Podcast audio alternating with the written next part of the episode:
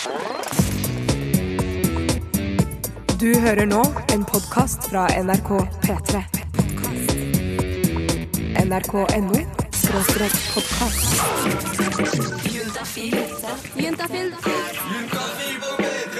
Med programleder Tuva Fellmann.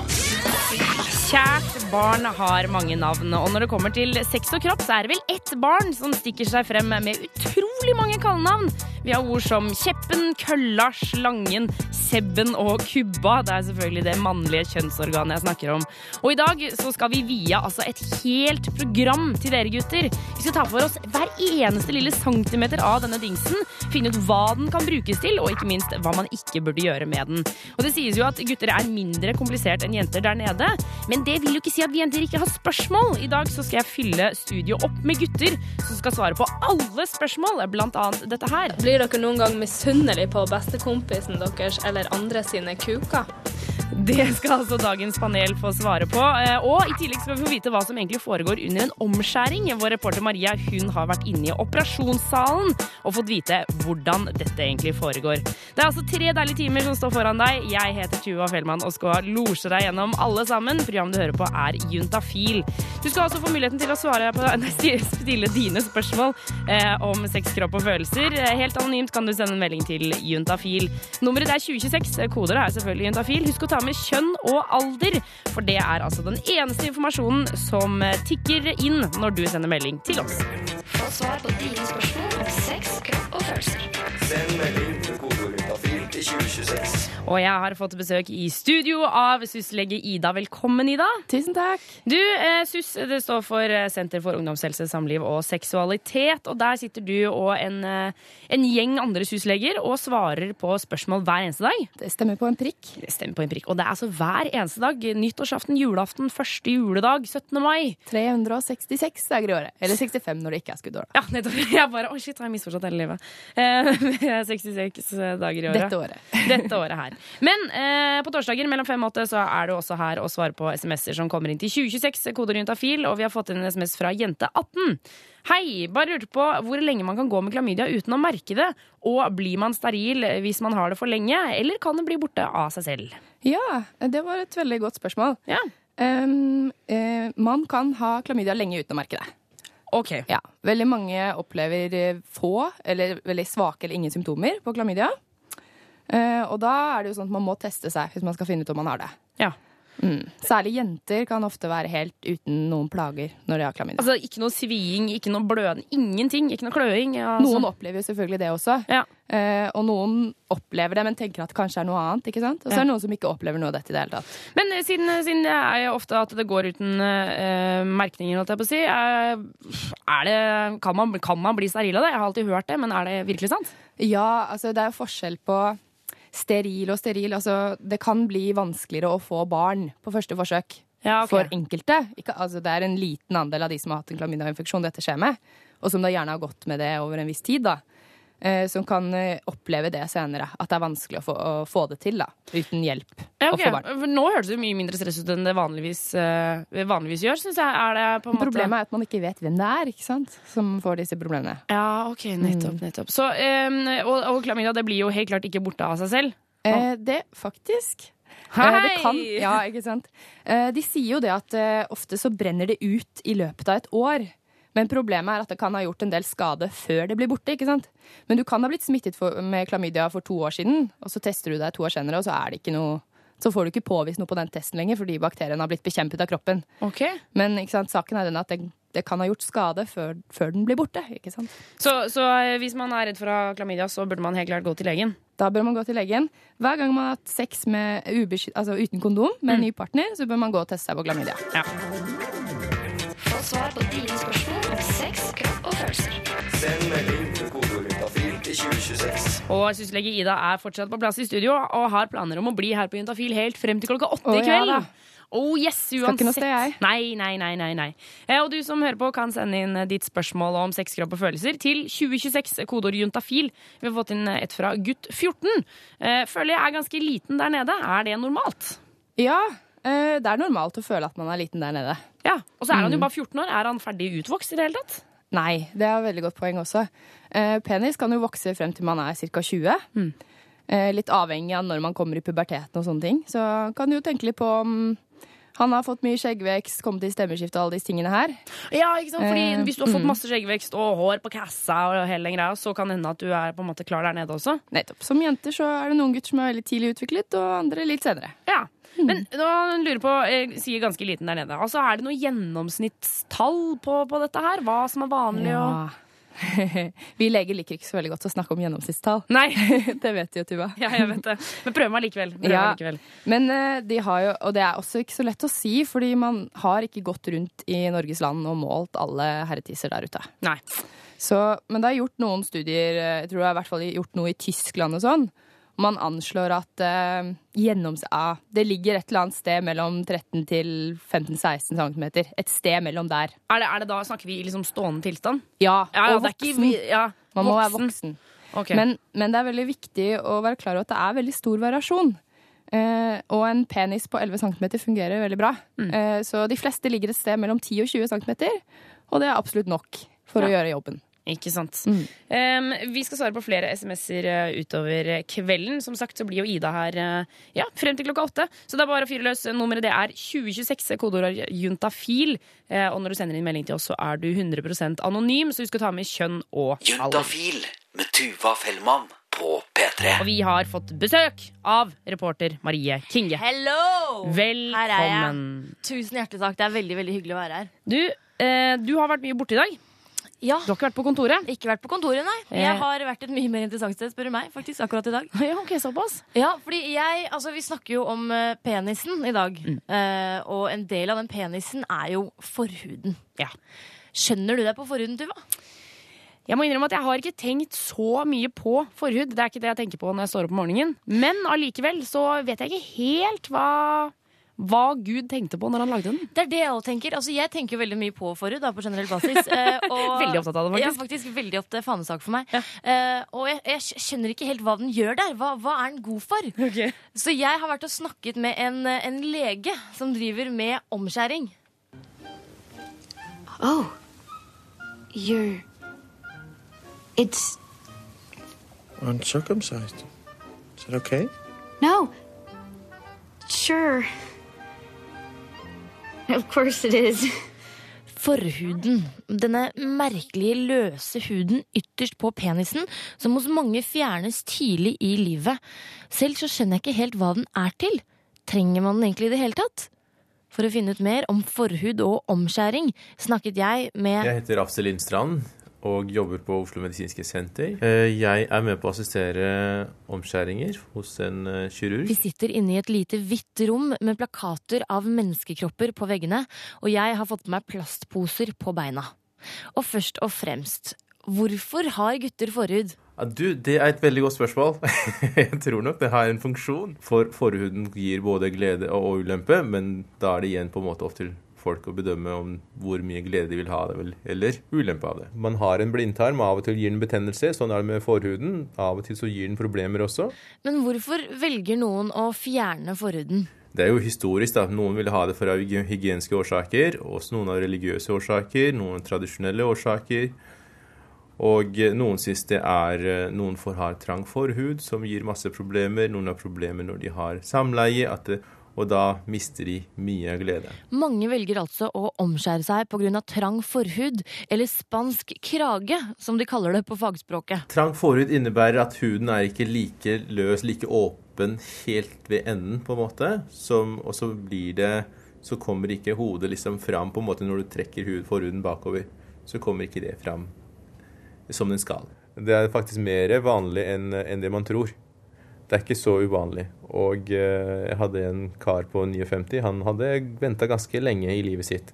Og det er alle sjangere av mennesker. Det er advokater, leger, ingeniører, vanlig mann på gata, alle sammen. Det er tre-fire i uka, faktisk, som har eh, omskjæring. Og noen foretar inngrepet bare fordi en vil ha det liksom pent. De syns det er pent. Men hvor mye hud er det man fjerner? Ja, det er to forskjellige operasjoner. Liksom, det kommer an på hvor problemet sitter i forhuden. Den kan sitte sånn en centimeter bakpå. Doktor Afzal forteller at om man har forhud som er litt trang ytterst, kan det holde med et snitt i forhuden, men ellers må man fjerne en større del. De føler seg en lettelse. Når de har vært der og fått utført det, så er problemet ofte løst. Kan jeg få se på noen av de instrumentene dere bruker? Ja, da må du inn, bli med inn på operasjonsrom, Okay. og uh, der er det ting skal være sterilt og rent. Ja. Og så skal vi gå bortover der. Ja. Juntafil fra fem til åtte på P3. Eh, du, du eh, I stad så hørte vi at du traff en en såkalt doktor. En doktor, det er doktor Afsal, og han driver med omskjæring av gutter. Eh, for det er jo litt interessant dette her med forhud. Det er liksom sånn, Trenger man den i det hele tatt? Eh, og nå skal vi faktisk få høre at jeg fikk lov til å være med inn på operasjonssalen til doktor Afsal. Nå er jeg på operasjonsrommet. Jeg er med doktor Afsal inn på rommet der de utfører omskjæringer. Og det er et hvitt og sterilt rom hvor det lukter antibac og papir. Og midt i rommet står det en operasjonsbenk. Jeg har vi sånn hele brett som er laget for omskjæring. På en skuff i hjørnet står det 'omskjæring' med store bokstaver. Det er der alt utstyret ligger.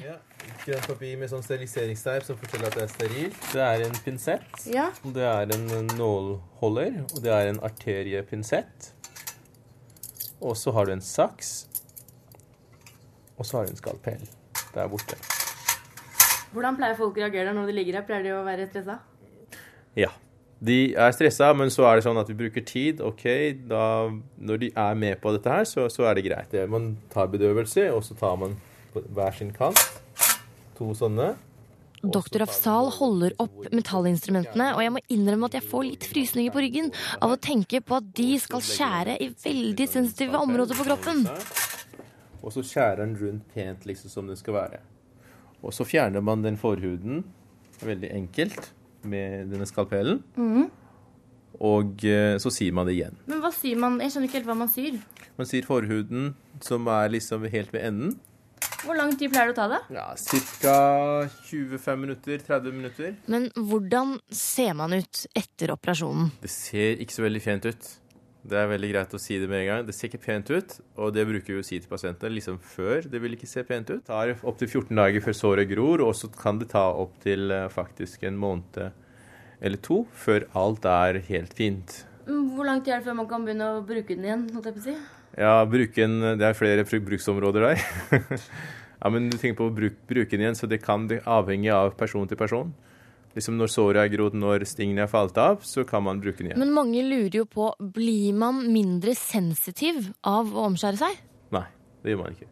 For man fjerner ikke alt av forhuden hvor har følelser. Man fjerner akkurat det som er nødvendig, det som lager problemer hos folk. Man fjerner akkurat det som er nødvendig, og ikke mer. Altså Nå skal det sies at folk faktisk har rapportert å bli mindre følsom i penishodet etter å ha omskjært seg. Det er ikke doktor Afsal helt enig i. Fysisk så er det det at da endrer utseendet. Det er liksom det fysiske endringen. Utseendet blir annerledes enn at liksom du har en forhud som henger over, en som forhud som ikke er der. Og eh, ut fra det, så utenom det, så er ikke det noen store følger. Men det er veldig, veldig renslig. Det er mange som gir tilbake, men det er veldig renslig, for da forsvinner alle bakteriene som samler seg opp igjen. Og det er en veldig stor ting for mange. Eh, Det kan virke skummelt, men det er det ikke. Det er det ikke. Og det beste er å bare å snakke om det og, og beskrive problemet godt nok. Og så, selv om de har fått råd av legen, OK, gjør dette her, prøv med krem, forskjellige ting, så ta gjerne kontakt med legen tilbake og, og spør om det er mulig å gjøre noe med det. For da kan han henvise deg til sykehuset for å få det gjort offentlig. For da, det er et problem som virkelig plager dem. Og reporter her var altså Marie Kinge. Eh, og det ligger et ganske så sjarmerende bilde ut av henne på våre Facebook-sider, hvor hun sitter med litt skremmende instrumenter i hendene. Så sjekk ut eh, Facebook-sidene til Juntafil. Få svar på dine spørsmål om sex, kropp og følelser. Og syslege Ida er tilbake i studio. Velkommen, velkommen. Hallo, hallo. Eh, du som hører på kan sende inn SMS til 2026 koder juntafil og stille dine eh, anonyme spørsmål om sex, kropp og følelser. Eh, og vi har fått inn her fra gutt21. Ble smittet av herpes for noen år siden. Eh, ikke merket noe etter dette. Hva er sjansen for å smitte noen nå? Ja, eh, godt spørsmål. Først og Eh, alt, Hvordan ser herpes ut når man får det? ja, ikke sant? Man kan jo anta at han har hatt et utbrudd, siden han vet at han har blitt smittet. Ja, Eh, ja Hvis men- ikke så hadde han jo ikke visst det. Nei, nei, det er jo noen som blir smittet som aldri får utbrudd. Mm. Men uh, hvis man vet det, så er det jo gjerne fordi man har hatt det. Ja. Og det ser ut, det blir sånne små blemmer, sånn som man får når man, man kan jo ha herpes på munnen også. Sånne små blemmer som sitter i sånne klynger. Og så etter hvert så sprekker de opp, og så blir det sår, og så gjør det vondt, og så blir det skorpe på de. Ja. Det høres jo utrolig ukomfortabelt ut.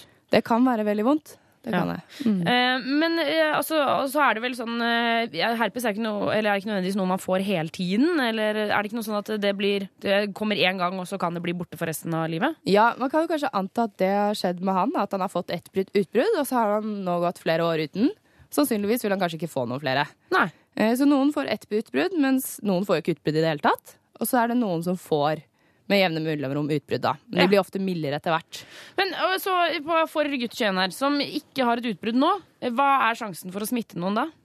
Altså, Sjansen er jo desidert størst mens man har utbrudd, å smitte andre.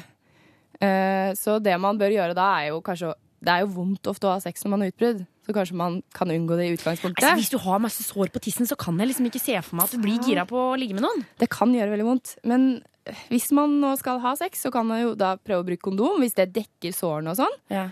eh, så holder ofte det. Eh, Men så er det jo alltid, uansett, så kan det alltid være en bitte liten risiko for å smitte Mm. herpes. Og det Altså, det er på en måte en risiko alle må leve med, da. Som jeg sa, det er jo veldig mange som har herpes også uten å vite det, for de har aldri utbrudd.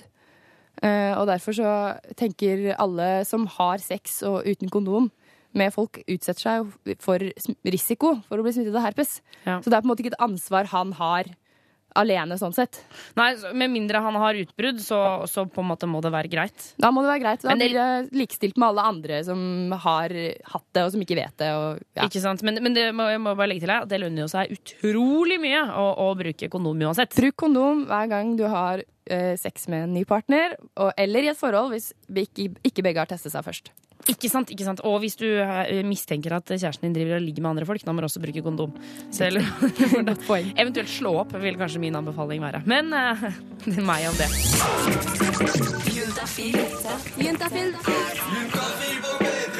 Med programleder Tuva Fellmann. Aner ikke hvor mange ganger jeg har lest eller hørt saker om eh, hva og hvordan gutter skal få jenter til å komme. Det virker som at hele verden er innstilt på at jenter er enormt kompliserte, mens hos gutta så er det ren plankekjøring. Helt uavhengig om dette her stemmer eller ikke, så er det jo sånn at vi jenter sitter jo faktisk med en god del spørsmål, vi også. Eh, Det er jo ikke sånn at vi ikke lurer på noe som helst. For eksempel, hvor skal vi ha hendene? Hvor er det trygt å ta, hvor er det ikke trygt å ta? Er det noen hemmelige teknikker som vi kanskje ikke veit om? For å få svar på alt dette her, så får jeg straks mitt guttepanel inn i studio. Eh, De skal svare på alle spørsmål om dette beryktede området, eh, det nedentil. Hvis du lurer på noe, som du lurer på om panelet kan svare på ditt spørsmål, så kan du jo faktisk sende det inn til 2026 koder juntafil. Starter med liksom 'jeg til gutta' eller noe sånt noe, så kan det hende at du får svar her på lufta. Jeg heter Tuva Fellmann, du hører på Juntafil, det programmet som gjør at du blir rød i kinna. Og kanskje litt, bare litt våt i trusa. Det veit jeg ikke. Men uansett så blir vi her frem til klokka åtte. Våt eller ikke våt, så håper jeg du også gjør det. P3. Dette er Muse med Madness, eh, som avlyste konserten sin i går. Men du kan få en eh, ja, ganske så fin mulighet hvis du hører på Lydverket i kveld klokka åtte. Så kan de by opp til eh, konsert med Muse. Jeg heter Tuva Fellmann og er programleder her på Juntafil, og dagens tema er vel noe som jeg ikke altså Jeg har ikke så mye kunnskap om det, fordi at jeg ikke har det selv, rett og slett. Derfor har jeg fått besøk av noen som virkelig vet hva de snakker om, nemlig tre gutter. Jeg har fått besøk av Espen, Martin og Sindre. Dere er dagens guttepanel. Velkommen! Nei, jeg føler meg litt sånn jeg føler meg litt sånn dum, uklok ved siden av dere nå i forhold til dagens tema, som er pikk. Um, og dere har jo det alle sammen. Eh, ja. Alle bare eh, Jo, jo, vi har det. Um, altså, kan vi ta en liten runde på uh, hvor gamle dere er, uh, om sivilstatus, og, og hvor fornøyde dere er med deres eget uh, understell? Vi starter med deg, Espen. Eh, jeg er 20 og har kjæreste og er egentlig veldig fornøyd. Veldig fornøyd? Ja, jeg- Skala fra 1 til 10? Eh, 9,5. Oh, OK. Og Martin? Eh, Jeg er eh, 28 år gammel, singel, litt kjærlighetssorg og veldig godt fornøyd. Ok, Det liker jeg. Og til slutt Sindre. Ja, jeg er 20. Eh, jeg er veldig fornøyd. Ja. Jeg, jeg kunne liksom ikke forandra på det. Jeg er ganske fornøyd uansett. Herregud, altså for et gladpanel. Jeg liker det kjempegodt, jeg. Uh, vi skal snakke mer uh, med disse gutta, som uh, helt klart er fornøyde med understellet sitt. Eh, jeg har nemlig vært og snakka med noen jenter som har fått lov til å stille de spørsmålene de egentlig lurer på når det kommer til gutta. Så skal panelet få lov til å svare. Det er fordi jenter er naive. Ikke sant? Og det er, det er ikke noe som heter sexpoliti. En gutt blir venner med en jente, så må gutten være homo. Panel, panel, panel. Og jeg føler meg egentlig litt i undertall her. Eh, Studioet er nemlig fylt opp av tøffe gutter. Det er Espen, Sindre og Martin som er her. Og tidligere så fortalte dere at dere er ganske fornøyd med understellet deres hele gjengen. Yeah. Ja, det, var, altså, det, var, det likte jeg så godt. Jeg var så redd for at noen skulle være litt sånn puslete og, og ikke være fornøyd. Men, men dere er fornøyde hele gjengen. Eh, og jeg har vært og snakka med tre veldig søte jenter i dag. Eh, og jeg sa at hvis dere kan stille en gutt et spørsmål Han får aldri vite hvem du er, eh, og du kan spørre om hva du vil når det kommer til under buksekanten. Hva var det da? Så jeg har samla sammen et par spørsmål. Skal vi bare hive oss i gang? Kjør på. Eh, Jeg lurte på, eh, syns dere det er kjipt hvis en jente på en måte tar hånda ned i buksa deres og liksom klapper eller koser med penis, men ikke egentlig har intensjon om å ta det noe videre? Er det koselig, eller er det bare skikkelig irriterende? Det er turn off. Det er turn off. Det er turn on akkurat der og da. Eh, klappinga, nei. Men eh, det, det, du kan ikke bare starte bilen og bare gå fra den. Altså, det det, er dårlig gjort, rett og slett? Ja, da, da må du i hvert fall ikke bli fornærma hvis gutten går på do og drar den ferdig, liksom. for for det, det funker bare ikke. Bare, det er ikke en av og på-knapp. Eller at noen andre hijacker den. Ja, ikke sant? Da må det være greit for deg. Men, Martin, hva syns du, da? Man skal uh, iallfall aldri klappe en penis. Såpass Ja. mye vet jeg. Og hvis vi Ja, men kan Jeg liksom skjønner litt hva formidle mener med å ta hånda liksom ned og bare stryke den litt. liksom. Ja, stryking, det Ja, er lov. det er ikke det samme som men eh, klapping, det er noe du gjør på er sånn der scenen i Hipp Hipp Hora når hun tar ketsjup Ja, det var det første jeg tenkte på. Det gjør man ikke. Nei, ok, Så, så um, det er, skal vi bare si det, da? Nei, det er rett og slett ikke lov. Ja. Mar- Martin, du trekker litt på Ja, svaret. jeg, jeg trekker litt på det. Altså, det, er jo, det er hyggelig å få litt oppmerksomhet tenker jeg, i det området, selv om ikke nødvendigvis skal lede til full out uh, eh, action. Ja. Eh, men men eh, kanskje gjøre det på en eh, mer erotisk måte da enn hun fremstilte det som. Ok. tenker jeg. Ja, Erotikk. Det er nøkkelen. Jeg tenker fullfør hvis du først begynner. Ja, for Der tror jeg jenter er forskjellige. For jeg synes, altså, Hvis man noen klapper, klapper meg litt på puppene, så er det ikke sånn at jeg blir sånn hvis ikke vi ligger sammen nå, så blir jeg dritsint. Nei, nei, men Man trenger ikke ligge sammen. Det er bare det at du må fullføre meg. Ok. Eh, vi går på neste spørsmål fra jentene. Eh, Jeg lurer veldig på om det har noe sammenheng mellom personlighet og kukstørrelse. Er det sånn at man er litt tøffere hvis man har stor penis, og kanskje litt mer tilbakeholden hvis man er liten? Eller kanskje at man kompenserer at hvis man har liten penis, så er man kanskje ekstra på? Eh, Kudos for et rart spørsmål. Ja. ja. av alle ting å spørre om, så er det det. Min erfaring er iallfall at uh, tvert om. Uh, det, det varierer Ja. veldig. Og, og en som har eh, liten, kan være utrolig høy på seg selv og tro at kanskje det er større enn Ja, sånn, sånn, sånn som hun sier her på slutten, at liksom, når, han, når han er liten, at da blir man skikkelig bøff. liksom. Men uh, ikke, jeg, jeg tror ikke bare fordi man er, er godt utrustet, at man nødvendigvis er cocky av den grunn. Men er det sånn som det er på amerikansk film, at gutter står i liksom the gym locker, og når alle kler av seg, så er det liksom den med størst tiss som er den kuleste? Nei, Det har det, aldri det har jeg aldri opplevd. Nei. Nei. Og mm, Kanskje Eh, på barneskolen, altså de første ja. årene hvor på en måte penis var noe. Da, hadde jo, da var det ingen som hadde noe og størrelse å skryte av. Jeg husker, jeg husker, jeg husker en Så- som uh, var relativt godt utrustet i ung alder. Så det forekommer jo. Det er litt Ja, sånn som jenter og pupper. Altså det forekommer jo at Noen man, får kjempesvære ja. pupper tidlig i alder. uh, panelet skal bli her uh, lenger. Vi skal svare på flere spørsmål som kommer fra Chicksa, men aller først Radioactive her på P3. Det er fordi jenter er naive. Det er, det er ikke noe som heter sexpoliti. En gutt blir venner med en jente, så må gutten være homo. Panel, panel, panel. Dagens guttepanel som består av Sindre, Espen og Martin er fortsatt på plass. eh, Og jeg har vært og snakka med en eh, gjeng søte jenter i dag. De hadde masse spørsmål til dere, så jeg foreslår at vi fyrer løs. Er dere klare, gutter? Det er Ja. det. Eh, Syns dere det er bedre å bli runket eller å runke seg selv? Det spørs. Ja, det kommer veldig an på. Eh, hvis du eh, innfører litt oralsex i runkingen nå, da, da er det veldig bra er at du gjør det. Men eh, det å på en måte bare ligge ved siden av og dra hånda opp og ned, det syns jeg kan bli litt kjedelig. Ja. Jeg syns jeg er mye flinkere til å runke, til å runke se meg selv enn det andre Ja, for runker er det meg, det? liksom. Er det? Men blir det da sånn at det ikke er verdt Altså at, at det er bedre at hun gjør noe annet fordi at du er så innmari god på å runke sjøl? Nei, for meg er det altså, jeg tenker, for meg er det alltid verdt det. Eh, men eh, altså eh, Man har jo raffinert runketeknikken sin etter, og, etter sant? Så du vet hvor du skal ta på deg selv. Det er derfor jeg syns det er kjedelig. Nå, nå har jo jeg runket i ikke, jeg, Nå skulle jeg si 28 år, men jeg må jo trekke fra Du må de trekke fra noen år, ja. ja, Men, men iallfall blitt en voksen herremann. Og jeg vil si at definitivt er det langt bedre å bli tatt på enn å ta på seg selv. Ja, sånn sett, ja. Ja, Mm. det, det er, eh, man blir lei av det. Altså, det er en nødvendighet hvis man eh, Eller man kan jo lage litt kos og på en måte sette seg ned og ha det hyggelig. Men, Ja. men men stort sett hyggeligere med andre. Men så, så kan vi konkludere med at eh, det er mye deiligere å bli tatt på av noen andre, men det kan godt hende at runkinga blir eh, liksom i seg selv blir bedre om du gjør det selv. Ja, Ja, jeg det, synes det kan vel egentlig være greit. Jeg syns det er skikkelig kjedelig. Hvis noen bare OK, én handjob, så er du ferdig. Da vil jeg heller ligge hjemme og gjøre det sjæl. Bare skal ligge ved siden av her og bare ja, ja, Stå i speilet og brann dra den til ditt eget bilde, liksom. Er det det Nei! Kanskje. Kanskje, kanskje, kanskje. Vi går på neste spørsmål fra jentene. Eh, blir dere noen gang misunnelige på bestekompisen deres eller andre sine kuker? Nei. Hvem er det som har oversikt over det? tenker Ja, jeg. ja, det- det, altså, la oss eh, si det med en gang. Det er ikke normalt at vi vet uh, hvordan penisen til venner og kamerater ser ut. Er ikke, er ikke det vanlig? Nei. Nei, altså Det, er- det tenker jeg er vanlig. Det er ikke sånn at vi står og måler. Det er mine. Ok. All right, Sindre. Nei, jeg er her for å være åpen. ja, ja.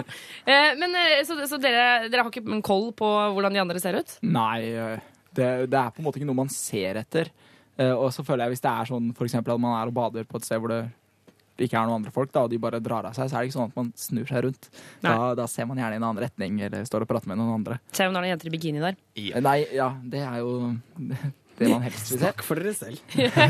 Du vil gjerne se. Jeg vil se, da. Vi tar det siste spørsmålet fra jentene. Jeg lurer på, eh, hvis en gutt ikke får opp eh, pikken i senga, er det pga. jenta, eller er det, kan det være andre årsaker? Oi, det var veldig Aldri skjedd. Aldri skjedd. Aldri skjedd. Hånda på hjertet. Det har skjedd, men det, er, det var et veldig stort spørsmål. For meg så skjedde det fordi det var kort tid siden vi hadde hatt sex sist, så jeg var rett og slett ikke klar. Men det kan jo skje fordi du er for full, fordi du har prestasjonsangst, eller det kan jo være jenta. Men hva, hva skjer hva, sånn når det er jenta? Hva er det som er gærent da? Da bør alt være galt. Ja, det, det, Ja, for det skjønner ikke jeg heller. Er det det har liksom aldri skjedd mm, fra min side, i hvert fall, at det har på en måte vært en jente sin feil. Nei, ok, så, så det er ikke så Mest sannsynlig så er det ikke jenta det er noe gærent med? Nei.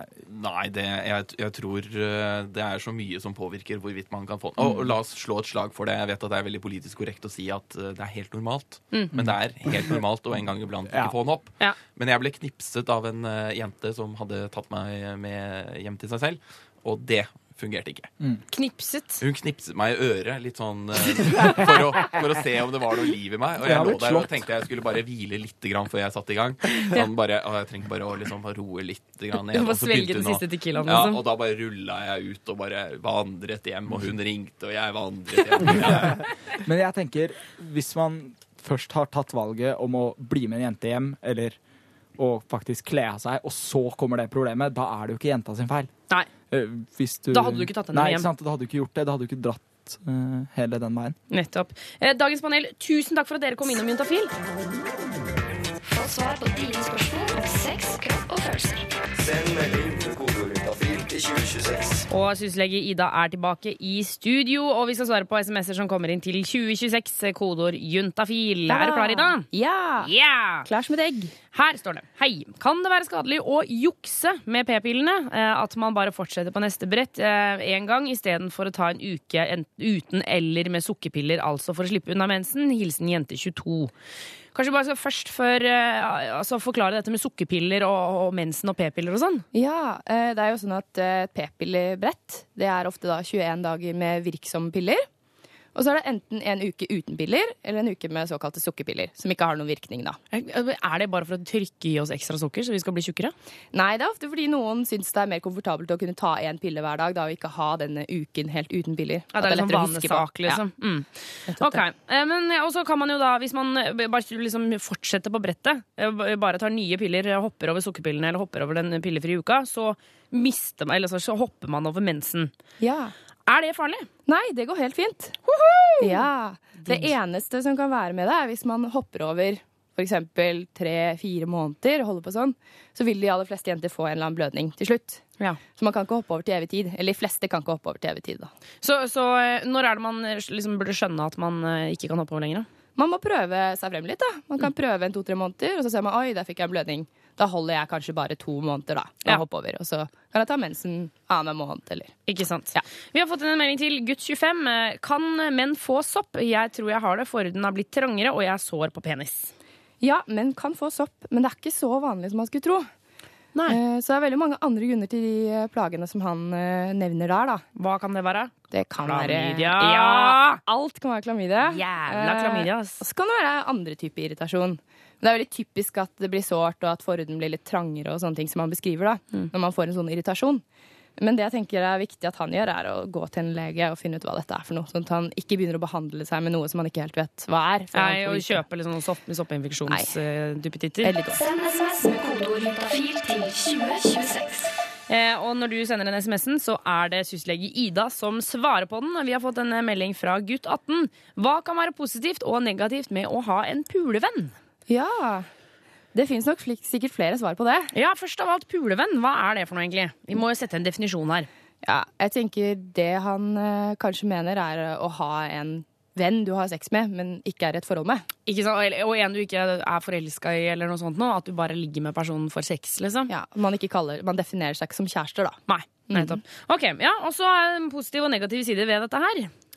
Ja, eh, det positive kan jo være, som vi sa, at man får ha sex uten å kanskje ha de forpliktelsene som det et kjæresteforhold innebærer, da. Ja, du får pult, liksom. Ja, Det er jo kanskje ikke alle som er uh, klare for å være et fast forhold på alle tidspunkt i livet. Og man kan jo, når man som pulevenner, så går det an å på en måte er det, Kan hende at det er litt lettere å snakke om og si sånn OK, hvor mange andre ligger, ligger du med noen andre? Må vi bruke kondom? Kan vi gå på p-piller? At man liksom kan på en måte eh, etablere det derre eh, sexforholdet uten at eh, man er kjærester, men allikevel eh, slipper å få klamydia annenhver uke, da. Ja, noen kan helt sikkert beskrive det sånn. Mm. Altså, sånn, ting kan kanskje bli lettere da, fordi disse følelsene ikke er inne i bildet. Men nå skal det sies at kanskje liksom, det hovedtingen som kan være negativt med det, er jo at det ofte ikke er så enkelt. Det blir ofte, det blir ofte minst én som utvikler en eller annen form for følelser etter hvert. Ja, jeg har en kamerat som sier at det er ikke det går ikke an at eh, en jente og en gutt kan være 100% venner, for det vil alltid være en av partene som vil få en eller annen crush. Jeg vet ikke helt om jeg tror på det, men det er i hvert fall en tanke bak det. da. Jeg tror det er noe i det. At veldig, I mange tilfeller da, så vil man oppleve at det er en eller annen skjevhet, en eller annen vil et eller annet mer. Så, ikke, så blir det vanskelig på et eller annet tidspunkt. da. Og Ja. da må man jo kanskje stoppe opp litt, snakke sammen og finne ut er dette en god idé likevel. Altså, Jeg tror det krever litt at man kommuniserer og er litt på bølgelengde da, for at noe sånt skal fungere. Ja, så jeg vet ikke, så er det jo det der, eh, dette konseptet med puleforelska. Altså eh, at eh, ofte jenter kan bli, eller i hvert fall hva jeg har hørt fra eh, vennekretser og sånne ting, at jenter fortere blir litt sånn småforelska i folk de har ligget med, egentlig bare fordi at de har ligget med dem. At de får, man får et eller annet sånn fysisk bånd, at vi har gjort noe såpass intenst sammen, og så blir man så opptatt av det. Og hvis det da er liksom no feelings involved, så kan jo det bli kjempevanskelig. Ja, og jeg, jeg tror det der varierer veldig fra person til person. Og Mm. kanskje også ja, både jenter og gutter, egentlig. Ja, selvfølgelig. Men det er litt det der. altså Den fysiske nærheten den kan trigge en del andre følelser da, som man Mm. kanskje ikke var forberedt på i utgangspunktet. Så det er noe man må ta hensyn til, tenker jeg. Ja, så, så, så hva skal vi si til gutt 18? Er det liksom eh, Er det innafor med pulevenn? Altså Altså, voksne folk de får gjøre hva de vil. Og så får man bare, ja, så får man bare tenke på disse tingene her og være snille mot hverandre. Snakke sammen. Ja, slutt å drite i å være slemme mot hverandre. Det er jo helt uaktuelt. Da er du jo bare dust, og det er ikke lov å være. Det er i hvert fall mine kloke ord. Juntafil med Tuva Fellmann på P3. Om man ikke blir forelska av den låta der, så blir du det aldri, spør du meg. Eh, Når jeg spør deg, Marie, hva syns du om det? Eh, Jeg ble ikke så veldig forelska. Jeg er litt bitter på kjærligheten for tida, så det skal litt til. Ok, Ut av studio, takk til deg. Bare for å punktere alt du sier. Ja, ja, ja, jeg skapte et fint bilde her. Nå er det ødelagt. Men du har kommet tilbake i studio, Marie. Det har jeg. Ho, ho, ho! Skal du Er det noen snille barn her? Ja. det er det helt sikkert. Jeg tenkte at jeg skulle, vi skulle dele ut litt kondomer. Ja! Vi har noen altså så flotte juntafil-kondomer eh, som er pakket inn eh, i små pakker. Eh, og de er veldig fine. Veldig, Veldig fine. Altså, jeg hadde ligget med noen hvis han hadde dratt frem en sånn eh, Jeg trekker det helt tilbake. Hvis noen kommer bort til meg i kveld og drar frem en sånn Jeg kommer ikke til å ligge med deg da, altså. Jeg, jeg kommer til å gjøre det. Okay. Eh, Så det prater jeg. Ja, så det, det er det bare å gjøre, altså. Topp stemning! Så skaff deg disse kondomene her, så kan det både bli Tuva Fellmann og Marie Kinge på deg. Hva, hvordan skal man få disse her, da? Ikke sant? Det er, jo ikke, det er jo ikke bare Du må jo jobbe litt for å få disse flotte kondomene. Mhm. Så jeg har et spørsmål til deg som sitter og hører på. Fordi altså, man har jo visse fiktive figurer som man kanskje tenker er Jeg tenker sånn Tror du Harry Potter er god i senga? Tuva? Altså Ja, han er jo magician, liksom. Ja, han kan jo ta den der staven sin og tørke den inn. Og... både her og der. Trille fram, et O-face, orgasme. Um, det du i hvert fall skal svare på, er hvem du tror er best i senga av disse fiktive figurene. Den første er da Harry Potter, sånn som vi snakket om. Nettopp. Og så har vi politimester Bastian. Fra Kardemomme. Fra Kardemomme. Tror du han er god i senga? Altså, han er jo politi. Han Han skal skal jo ikke kimse av menn i politidrakt. Så Nei, nei, når nei. han tar fram batongen, så Og håndjernet, ikke minst. Oh, Oh, la, la, la, er la. Inn i bildet, vet du. Og så har vi også da fra Kardemommeby, samme sted, tante Sofie. Tror du hun er god i senga? Da er i hvert fall SM inn i bildet, for hun er jo streng eh, dame. Hun har pisk, altså. Jeg ser for meg at hun går naken med bare sånn forkle og stråhatt og pisk. Og er kjempestreng. Og det er noen som liker det. Jeg hadde sikkert likt det. Og så har vi siste person, eh, eh, er Rødhette. Hun tenker jo jeg har mensen hele tiden, så det blir mye brannbil, da. Hvorfor tenker du bare for at hun har rød drakt? Ja. Rett okay. mensen. Det hører sammen i mitt Ikke, hode. ikke rødstrømpe, altså. Feminisme Nei, nei, nei. nei, nei, nei. Ja. Bare mensen. Ja. Så hvem tror du som sitter og hører på, er best i senga av Harry Potter, politimester Bastian, tante Sofie og Rødhette? Hvis du sender inn en mail til juntafil, alfakrøll.nrk.no, med fullt navn og adresse, så kan du vinne en haug med kondomer. Ah, og en P3-T-skjorte skal vi slenge med Og også. en P3-T-skjorte. Men må forklare hvorfor det, altså, Nå er det jo ikke innforstått at eh, Rødhette har mensen hele tiden. Da. Nei, det det- er bare dine tanker. Nettopp. Eh, eh, så vi vil altså vite hvem som er best eh, i senga, og hvorfor du tror de er best i senga. Av Av Harry Potter, politimester Bastian, tante Sofie og Rødhette. Juntafil fra fem til åtte på P3. Jeg må inni denne eh, mailboksen. Altså, kom inn, kom inn svar her nå. Altså, det kommer så kjapt! Det kommer så fort! Det kommer, det bare skyter på, og så har vi svar. Ikke sant? Og vi, eh, konkurransen er jo, det står jo om juntafil-kondomer og P3-T-skjorte. Hvem er best i senga av Harry Potter, politimester Bastian fra Kardemommeby, tante Sofie fra Kardemommeby og Rødhette. Ja, det er et tough choice. Altså. Folk engasjerer seg. Mye gøy her. Eh, Vidar skriver tror nok lille Rødhette er litt av et rivjern når det kommer til sengehygge. For maken til dame under bekvemmelighetsflagg, for ikke si falsk flagg, skal du lete etter. Skal liksom være så rein og uskyldig med kurv til bestemor og greier, men under stakken skjuler det seg nok alt annet enn er uskyldig. En ei uskyldig lita jente. Det er kjempebra. Jeg skjønner det veldig godt, Vidar, at, at du tror at det er eh, Rødhette som er best. Uh, vi har fått flere svar. Um, det er en som sier at Sofie hun vet hva hun vil. Hun er bestemt dame, og ikke minst, hun er erfaren. Oh! Oi, oi, oi. Men den som har vunnet, er også enig i at det er tante Sofie. Det er Kenneth, og han skriver Tante Sofie er best i senga. Røff sex. We like it. Så det er han som stikker av med. Nå fikk vi en til! Hei, politimester, eh, hei, politimester Bastian må være best. Han har batong og kan sette deg på plass. Se for meg snille politimester eh, Bastian gå med Jeg er ganske så slem i senga. Å, herregud. Og snill ellers. Dette her, vi burde nesten ikke begynt på dette her, Tuva. det Blir rent for meget. Ja, men altså, jeg syns eh, altså, Lene som sendte Lene- dette svaret, hun må, hun må også få inn kondomer i posten. Ja. Lene og Kenneth får kondomer i posten for sine flotte svar. Det var det altså ba- politimester Bastian og tante Sofie fra Kardemommeby som er eh, antagelig det beste i senga, mener folk. Ja, det skal man ikke kimse av. Kan vi gi en til Vidar også, som sa at Rødhette tok, var litt av et rivjern, eller? Ja, skal vi ikke gjøre det, da? Jo, jo, jo. Da blir det Ho, ho, god jul. Juntafil. Med programleder Tuva Fellmann. Og ja da, klokka den er fem over syv. Du hører på Juntafil på en torsdag her på NRK P3. Jeg håper du koser deg eh, og at du syns det, det er hyggelig å høre på. Jeg syns i hvert fall det er veldig hyggelig å være her. Eh, Dette er jo programmet som tar for seg det pinligste av det pinlige.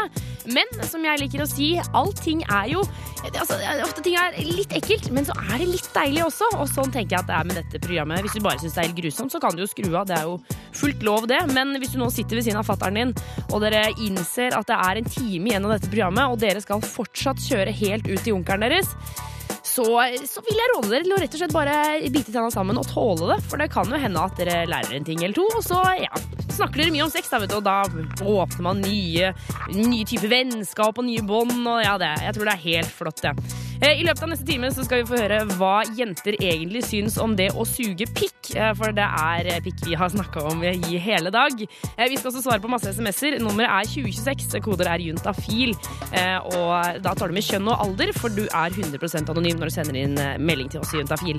Og da kan du spørre om hva du vil, enten om det er prikker på tissen, eller om du er håpløst forelska i kompisen til storebroren din, eller du lurer på hvordan du kan bli kvitt herpes. Alt kan du spørre om. Nummeret det er 2026, koder er juntafil. Jeg heter Tuva Fellmann, og vi blir her helt frem til klokka åtte i kveld også. Og den personen som svarer, det er syslege Ida. eh, Og du kan sende inn spørsmålene dine til 2026, kodeord juntafil. Vi har fått her eh, fra en, en jente hvor det står Hei, jeg er en jente på 13 år, og alle sier hele tiden at jeg har så store pupper. Bruker 85B. Er det vanlig for en jente på min alder? Ja, det var et godt spørsmål. Er det vanlig for en jente på hennes alder? Eh, hun sier jo at eh, alle kommenterer det. Så det kan tyde på at hun kanskje er litt tidlig ute i sin klasse, eksempel. Ja. Altså, Um, altså 85B, eh, for de som ikke eh, er liksom eh, eh, dødsgode på BH-størrelser, hvor stort snakker vi da? Er det liksom to, som to appelsiner, kanskje? Kanskje litt mindre, faktisk. Litt mindre, ja. Det er, Ferskner. det er en helt normal BH-størrelse, egentlig. Ja, Ja, en av de aller vanligste, vil jeg si. Mm. Men hun har kanskje fått eh, pupper litt tidligere enn mange av de andre jentene, da. Er det jeg tolker det som. Ja. Og at det er derfor det blir lagt merke til. Men, eh, og det eh, gjør jo ingenting å ha store pupper. Det, man, det er jo, jeg husker når jeg gikk på ungdomsskolen, og hadde bitte, bitte, bitte, bitte, små pupper, og jeg syns det var så trist. Ja, Men det er alltid sånn, ikke sant? De som skiller seg ut, det er alltid, være vans det er alltid vanskelig å være den som skiller seg ut. Enten om man har for små eller for store pupper. Det er alltid vanskelig å være den første som får pupper, og det er alltid vanskelig å være den siste som får pupper. Så, men om et år så kommer ikke det her til å være noe problem lenger, for da kommer nesten alle de andre jentene i klassen også til å begynne å få pupper. Ja. Så vi sier bare masse lykke til, jente 13. eh, Og jeg tror, jeg tror nok at gutta i klassen din syns det er ganske kult at du har så store pupper. Det, Ja. Men hvis du syns det er litt ubehagelig at du blir kommentert, så er det faktisk lov å si fra om det òg. Ja, det er ikke greit, det heller. Og da er det jo en tanke å, å kanskje gå til lærer, eller eh, hva, hva det heter, de som er sånn klasseforstander, eller noe sånt nå. Det går an. Og si at jeg syns det er ekkelt, og så kan de ta det opp på en litt sånn diskré måte i klassen. For, for det tenkte jo ikke jeg på. Det er jo ikke noe hyggelig at folk går og kommenterer tidsa dine hele tiden. Nei. Det... Hadde folk gjort det til meg på jobb, så hadde jeg jo blitt sint. Jeg forstår at hun syns det er litt vanskelig. Ikke sant. Eh, vi har fått en melding fra gutt 14. Er det farlig å ha sex i vann? Ja, spørsmålet på det er egentlig nei. Det er ikke farlig å ha sex i vann. Nei. Uh, men det kan være litt vanskelig å få til. Hvorfor det? Fordi at uh, altså når, hvert fall hvis man skal ha sex mellom en jente og en gutt, egentlig generelt, så produseres det jo sånn uh, naturlig glidemiddel i skjeden til jenta. Og det blir jo vasket bort da, i vannet. Så det kan kjennes litt sånn tørt og litt sånn vanskelig ut, rett og slett. Det blir kanskje litt sånn som, som skinnjakke mot skinnjakke, liksom. At det, det glir jo ikke. Nei, det blir liksom friksjon. Det blir, eh, det, jeg tror det kan eh, være ubehagelig, så det bør man tenke på. Ja, men, men det er ikke farlig. Det er ikke farlig. Nei. Er det sånn at man ikke kan bli gravid eh, når man har sex i vann? For det er jo et, en gammel saying. Absolutt ikke. Man kan bli gravid av sex i vannet. Okay. Nå Ja, ja. ser Ida, Ida på meg som at jeg skulle vært verdens uh... Nei, du, du vet svaret på den, du, Tuva. eh, Vi skal svare på flere SMS-er straks her på P3. Nummeret er 2026. Koder er Jutavil. Få svar på dine spørsmål om sex, kropp og følelser. Send melding 2026. Og vi skal svare på eh, en SMS som har kommet inn, som sagt da til 2026, eh, kodeord juntafil, og syslege Ida. Her står det Hva er egentlig seksuell trakassering? Hilsen jente 17. Ja, godt spørsmål. Eh, Det er en slags form for mobbing. Eh, Ifølge loven så er det uønsket seksuell oppmerksomhet som er ubehagelig da, for den som blir utsatt for det. Så det er på en måte hvis for eksempel sjefen din eller liksom noen som du jobber med, eller i klassen din, eller noe sånt, som, som kommenterer noe seksuelt om deg? Ja, det, det kan være hvem som helst som gjør det. Altså, det kan jo skje i et forhold, til og med. Eller oh, ja. venner, eller Men også selvfølgelig i de situasjoner hvor det er noen som er litt overordnet deg, da, som sjefen din, så er det kanskje ekstra alvorlig, ikke sant? For da er det et maktforhold allerede. Ikke sant? Men det er, kan være kommentarer som går på kjønn, eller kropp, eller eh, sex. Så for eksempel at man, at man ser på noen på en spesiell måte. Mm. At man kaller noen skjellsord som hore, homo, Ja, sånne ting. Og sånne der småkommentarer sånn Ja, Ja. ser ut som du har fått kjørt deg i helga, eller noe Sånne sånt. noe. ting, eller å, fin rumpe, pene pupper. Folk som kommenterer kroppen din.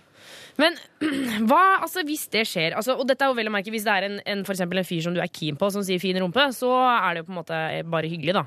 Hvis begge oppfatter det som hyggelig, så kan man, kan man heller kalle det flørting. Ja, da Da er det hyggelig for begge to. Så det er på en måte forskjellen på de to, da. Ja. Men hva skal Mm. man gjøre da hvis man føler at man blir utsatt for seksuell trakassering? Da, altså, der er det jo flere ting.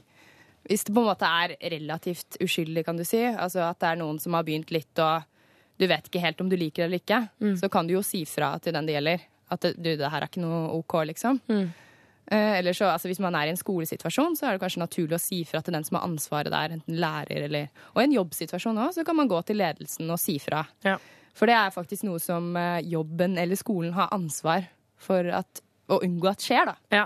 ja, for det tenker jeg at det må jo være vanskelig å si til den personen, eh, særlig hvis det er, allerede er en kul type eller noe sånt noe som, som kommer med sånne bemerkninger, så er det jo Ja. vanskelig å være, den, eller liksom være det og så si sånn Å nei, ikke, ikke gjør dette. Det kan hende at det bare spinner seg inn, og at det blir enda vanskeligere. Det kan det. Men- så derfor, sånn sett kan det være lettere å gå via en tredje person. Ja, En leder eller noe sånt noe. Eh, vi får bare si til Jente17 at jeg håper ikke du blir utsatt for seksuell trakassering. I så fall så må du si fra til noen. Gjør det. Eh, snakk med foreldrene eller lærer eller eh, sjef eh, eller lignende. P3. Eh, og når man snakker om gutters eh, kjønnsorgan, sånn som vi har gjort eh, på Juntafil i dag, så er det jo knall med tips om hva jenta kan gjøre for at det skal bli bedre for gutten.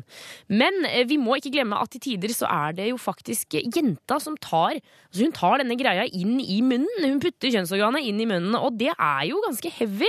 Så for at dere gutter skal få litt rett, retningslinjer, så eh, bana jeg meg vei inn i en skole i dag. Mellom laptoper og notatblokker og en intens eksamens... Eh, liksom, angst og press og liksom, en, en sånn ganske spesiell stemning. Der fant jeg i hvert fall Kristin, Camilla og Isabel. Og jeg spurte om de likte å gi oralsex, og da kom det ganske klare, men forskjellige svar. Jeg syns det er kjipt. Det er kjedelig. Jeg syns det er kjipt. Uh, jeg syns jeg kan bli litt lei hvis jeg på en måte gjør det veldig lenge. Men uh, det er jo veldig hyggelig å, å på en måte føle at man gjør noe bra, da. Ja, jeg syns også det, men eh, jeg syns også det kommer veldig an på med hvem. eh, og hvordan det, man på en måte kommer inn på det. Altså, noen gutter er jo veldig sånn eh, persistent, da, som skal liksom dytte hodet ditt i en retning og sånne det, ting. det kan vi bare si til alle gutter. Ikke hold oss på hodet når vi Ikke gjør det. Å dytte sånn frem og tilbake, det er liksom Det er helt forferdelig. Ja. Det er sånn, Jeg velger hvor dypt den skal inn i min munn. Jeg syns det er flaut når folk, når gutter spør sånn Kan du suge meg? Så blir man litt sånn Åh, nei. Egentlig har jeg ikke så lyst. Og så må du. Du blir jo satt i en sånn posisjon. Ja. Jeg føler også kanskje at jeg ikke hadde Jeg hadde ikke gjort det på en one night stand, liksom. Eller jeg, jeg føler i hvert fall at at eh, oralsex hører litt mer hjemme i et forhold. Ja, og man er litt mer trygg på hverandre. Du, skal jo pluss, pu, altså, du skal jo putte penisen din i kjeften på noe. Du vet jo aldri hva de gjør, liksom. At det ikke biter deg. Juntafil med Tuva Fellmann på P3. Eh, nå er det sånn at eh, vi Juntafil vi syns at du der ute skal få deg noe så ofte som du vil. eh, både når du er her i Norge, men også når du er på ferie. Eh, for eh, vi har funnet ut at det er ganske forskjellige regler når det kommer til dette å sjekke og det å få seg noe. Så for å få litt orden på dette her, så har vi nå fått besøk av vår reporter Christian, og i dag skal vi til Spania.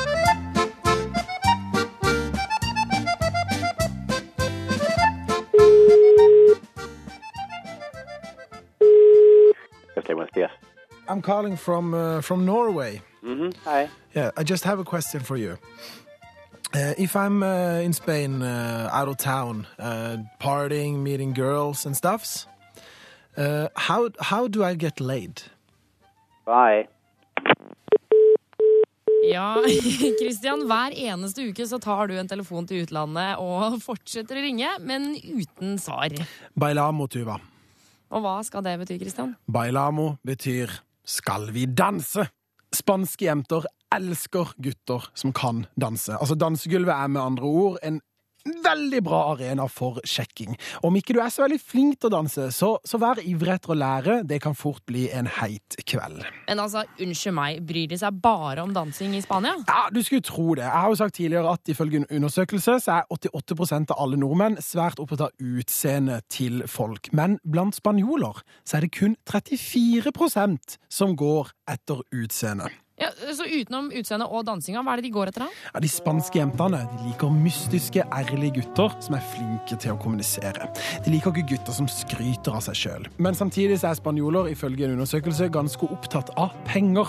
34% av alle spanjoler synes penger er ganske så sexy. Og så er også jentene veldig opptatt av blikk. Et hett og sensuelt blikk sier mye i Spania. Så vil de da si at det er jentene på en måte som styrer greiene her, da? eller? Ja, eller Det vet jeg jo ikke helt, men, men opp mot 60% av spanske menn ser helst at det er dama som tar det første steget. Så ganske forskjellig fra det vi er vant med her i Norge. Det er vel litt lite mandig av de spanske mannfolka, syns jeg. Ja, i grunn. Og når vi først er inne på det, så kan jeg jo nevne at spanske menn de er ekstremt jålete og opptatt av utseende. 40% av alle spanske menn bruker kosmetikk daglig, som for eksempel sminke, rynkekremer og sånt noe. Volver a despertarme y durmiendo, llegar otra vez y no verte, los fines de semana fuera. Det- Men det er jo, kan hende at det er sant, det, men eh, spanske menn er jo også ganske kjekke, så de blir jo tydeligvis kjekkere av det. Ja, de gjør kanskje det. Du, Tuva, hva tror du det her betyr? Como se siente al ser la más bella muchacha en esta sala? Vet ikke. Nei, det betyr eh, hvordan føles det å være den diggeste jenta i dette rommet? Ok, Så du får dra på med den setningen når du eh, turer ned til Madrid. Ja. Eh, tusen takk for informasjonen, Christian. Håper nå alle veit eh, hva de skal gjøre for eh, å få seg noe i Spania. Få svar på dine spørsmål om sex, kropp og følelser. Send melding Klokka nærmer seg åtte, men vi skal få med oss en del spørsmål til før vi eh, stikker hjemover. Syslege Ida, eh, det er jo sånn at alle får svar. Ja, det Eh, gjør de. Enten det er på lufta eller Eller på SUS, eller fra SUS, i løpet av kvelden eller i morgen. På SMS. På SMS. Nettopp. Eh, vi har fått en, en SMS her hvor det står eh, Har hatt bitte små blødninger i godt over to uker nå. Hvor sannsynlig er det, sannsynlig er det at dette skyldes graviditet? Hilsen jente 20. Ja, det er ikke veldig sannsynlig. Um, det kan skyldes det, men det er få som blør når de er gravide. Det er noen som kan blø litt, sånn som hun beskriver. Men det er veldig mange andre vanligere grunner til at man kan blø sånn. Hva da? For eksempel kan det være at hun eh, går på p-piller eller annen hormonell prevensjon. Det er en veldig vanlig årsak. Og særlig da i starten at man har begynt på det, eller hvis man hopper over menstruasjonen mange ganger, sånn som vi snakket om i stad. Ja. Eh, men men eh, hvis hun har hatt ubeskytta sex, eh, så hva skal hun Altså, skal hun kjøpe en graviditetstest, da, eller? Ja, og det, er, det bør hun gjøre eh, hvis, hun har, hvis prevensjonen har sviktet eller hun har hatt ubeskyttet sex. Og så er det én ting til som er veldig viktig. En annen årsak til sånne blødninger som det, som også har med ubeskyttet sex å gjøre. Og det er Klamydia! Ja. Svaret er alltid klamydia, altså. Så ubeskyttet sex, graviditetstest og klamydatest. Ja. Når kan hun ta graviditetstesten i forhold til når hun hadde sex? Den er helt sikker etter 14 dager. 14 dager, altså. Ok, Og den får du jo kjøpt på eh, apotek eh, og eventuelt matbutikker eh, hvis det ikke er apotek i nærheten. Eh, vi har fått en SMS til. Hei, lurer på hvordan man skal måle penislengde, og hvorfor er penis skjev? Hilsen gutt 17. Ja, eh, penislengde det kan Hvorfor skal du man- måle denne? Jeg skjønner ikke det. Ja, Det kan du spørre om, ikke sant? Eh, Fordi hvis den er lang Altså, hvis den er innenfor normalen, Mm. så vet du gjerne det. Da funker den som den skal. Og, Ja. Men hvis du likevel lurer da på om den er liten eller veldig stor, eller sånne ting, eh, så kan du måle, og da må du måle den i erek- erigert tilstand. Ja. Og så bør du helst være voksen, ikke sant? Sånn slutten av tenårene. For den vokser jo veldig forskjellig i puberteten. Så det vil si at gutt 17, eh, altså hvis du måler nå, så kan det godt hende den vokser mer enn etter Ja. det. Men måle i hvert fall fra det som kalles for skambenet, som er det benet rett over penis. Jeg skjønner ikke hvorfor det må være så stygt, det navnet på det benet Nei. der. Skambenet? Det finnes jo et latinsk navn også. Hva er det for noe? Os pelvis. det er mye Eller symfysen heter det faktisk. Mye, mye hyggeligere. Ja. Eh, men så da måler man altså derfra og ut i tuppen, da, eller? Ja. Riktig. Eh, og så spør han jo også hvorfor er penis skjev? Skjev. Ja, det er liksom jenter, da. Eh, penis kan se forskjellig ut fra gutt til gutt, og det har litt med Det blir sånn avansert igjen, med sånn med bindevevskappen som er rundt eh, svamplegemet. Å, herregud. Ja, altså det er sånn skall rundt penis, og det kan være litt sånn Når penis fyller ut med blod, så kan det bli litt skjevt og står litt til siden hos noen. Det kan være litt bøyd. Ikke sant? Det er variasjoner, da. Og det er jo sånn at alle ser jo forskjellige ut der nede. Det gjelder jo oss jenter også. Ehm, så, og man skal ikke, ikke se bort ifra at det er litt ekstra digg for jenta hvis den går litt til den ene siden eller litt til den andre siden. Så lenge det funker, så er det greit. Få svar på dine spørsmål om sex, kropp og følelser. Send melding Og før du går hjem for dagen, så skal eh, du eh, svare på en siste SMS. Syslege Ida. Em, hvor det står, eh, som har kommet inn til 2026, eh, kodeord juntafil. Hei, fikk et problem for en stund siden. Under vorspielet satte kjæresten min seg oppå. Uh, fikk veldig vondt og begynte å blø, men strengen er der fortsatt. Uh, fortsatt litt vondt under sex. Hilsen gutt 22. Så han, altså, Det er jo ikke noe spørsmål her, men jeg regner med at han lurer på hva i helsiken dette her er for noe. Ja, det gjør han nok. Og så kan man jo anta at han har vondt på penis. Det er det jeg tolker det som. At hun har satt seg litt for fort oppå penis. Fått den inn i skjeden, og så har det skjedd noe der. Ja. Ja. Eh, Og han sier jo at strengen er der fortsatt, så det kan jo tyde på at han kanskje var redd for at den var røket. Ja, for hva er det å, å ryke strengen? Det høres jo så utrolig dramatisk ut. Ja, det er jo en sånn liten sånn hudstreng akkurat under penishodet eh, som fester det til forhuden, da. Eh, og hos noen så er den litt stram, så den kan ryke. Altså den kan egentlig ryke hos de aller fleste, men hos noen ryker den lettere enn hos andre. Eh, og det er i prinsippet ikke noe farlig. Altså Den gror tilbake stort sett av seg selv. Hvis det blir et veldig problem, så kan man faktisk gjøre noe med det hos lege. Eh, men jeg tenker hos han har den kanskje ikke røket helt av. Men Nei. kanskje nesten. Den kan ryke litt også. Ja, for det, det begynner å blø veldig mye når den strengen ryker, så Ja. det, er jo kanskje, det kan jo ha med det å gjøre, tror du Ja, ikke? Og penis er fylt med blod, så det blør jo ofte mye. Eh, men han sier jo fortsatt litt vondt under sex. Altså, skal han ta litt av pause noen dager, da, eller? Ja, nå vet vi jo ikke hvor lenge det er siden dette var, men jeg tenker med en gang dette har skjedd, så er det jo viktig å ta det litt rolig en stund, sånn at det gror tilbake. Og kanskje vente helt til man faktisk ikke har vondt lenger med Ja. å ha så mye sex. Ka- Kanskje ikke så mye akkurat eh, den stillingen, at hun sitter oppå. Heller hvis du skal ha sex, så kanskje prøve deg litt frem. Da. Ikke Ja. gjør For sex skal jo ikke gjøre vondt. Nei. Så stillinger som er litt, eh, hva skal jeg si, harm, mer eh, harmløse. Også, Litt mer forsiktig. Hvis problemet hvis det ikke går over, så går det selvfølgelig an å gå til lege og, og sjekke hva man kan gjøre med det. Du hører nå en podkast fra NRK P3. Hent flere podkaster fra NRK på nettsiden nrk.no podkast. NRK P3.